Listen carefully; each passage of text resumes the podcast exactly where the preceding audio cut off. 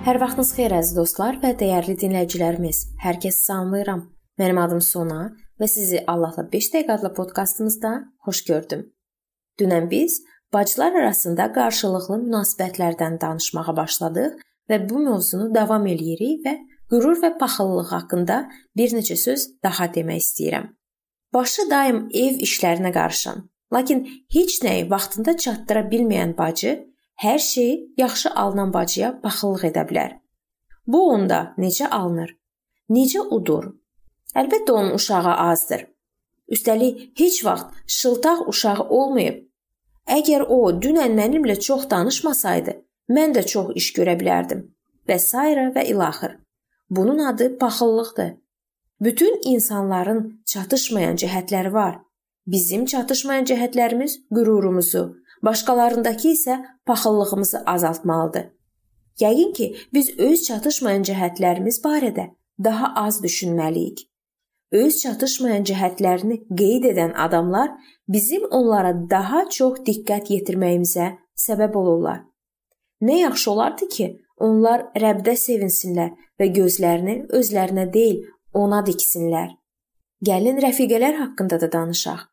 İmanlı bacıların nə qədər çox dostu olsa, bir o qədər yaxşıdır. Yaxşı rəfiqələrin olması əladır. Lakin bir şey unutmaq olmaz ki, dar çərçivədə olan dostluq münasibətləri xudbinlikdən doğur. Həmçinin adamı fərqli nəzər nöqtəsi eşitməkdən məhrum edir. Adamın həyatında elə anlar olur ki, bir adamla uzun müddət və içdən gələn söhbət faydalı olur. Lakin daha çox adamla ünsiyyətdə olduğumuz şəraitlər daha çox yaranır. Məsələn, ibadətdən sonrakı saatlarda. Bacıların başqa qadınlarla bölüşməkdən zövq aldıqları şəxsi maraqları da var.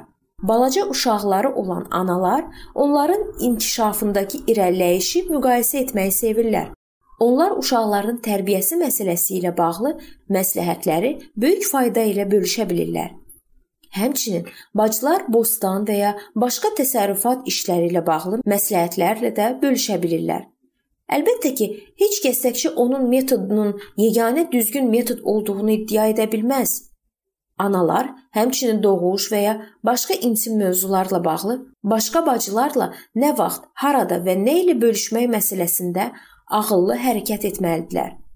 Bəzi məsələlər yalnız ona və ərinə məlum olmalıdır. Bəzi imanlılar cəmiyyətində təsərrüfat işləri, bostanda iş və ya paltar tikmə ilə bağlı işlərdən anlayışı olmayan adamlar gəlirlər.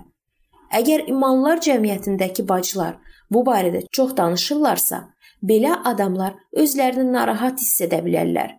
Onlara maraq göstərin. Onların nəsə yaşadığı, müxtəlif problemlərin öhdəsindən necə gəldikləri ilə maraqlanın. İşi çox olan Marta obrazından əl çəkib Məryəmdən nümunə götürmək vacibdir. Yadda saxlayın ki, sizinlə başqa bacıları ümumi praktiki maraqlar deyil, birlikdə İsa'nın huzurunda olmaq birləşdirir. Bir neçə söz yaşlı bacılar haqqında da danışmaq istəyirəm. Müqəddəs kitabda deyilir ki, yaşlı bacılar da eyni şəkildə müqəddəslərə yaraşan tərzdə davransınlar. Böhtançı, şərab düşkünü olmasınlar və xeyirli şeyləri öyrədərək tərbiyə etsinlər ki, gənc qadınlar ərlərini və uşaqlarını sevsinlər. Ağıllı, kamallı, ismətli, evdar, xeyirxah öz ərlərinə tabe olsunlar. O zaman Allahın kəlamına küfür olunmaz. Bu Sitə məktub 2-3-5-də yazılıb. Gənc bacılar şəxsi təcrübələrindən irəli gələrək nə isə öyrənə bilərlər. Nəyi? Məsələn, Gənc bacıları ərlərini sevməyə öyrətmək lazımdırmı? Gəlin bu sualı növbəti görüşümüzdə araşdıraq.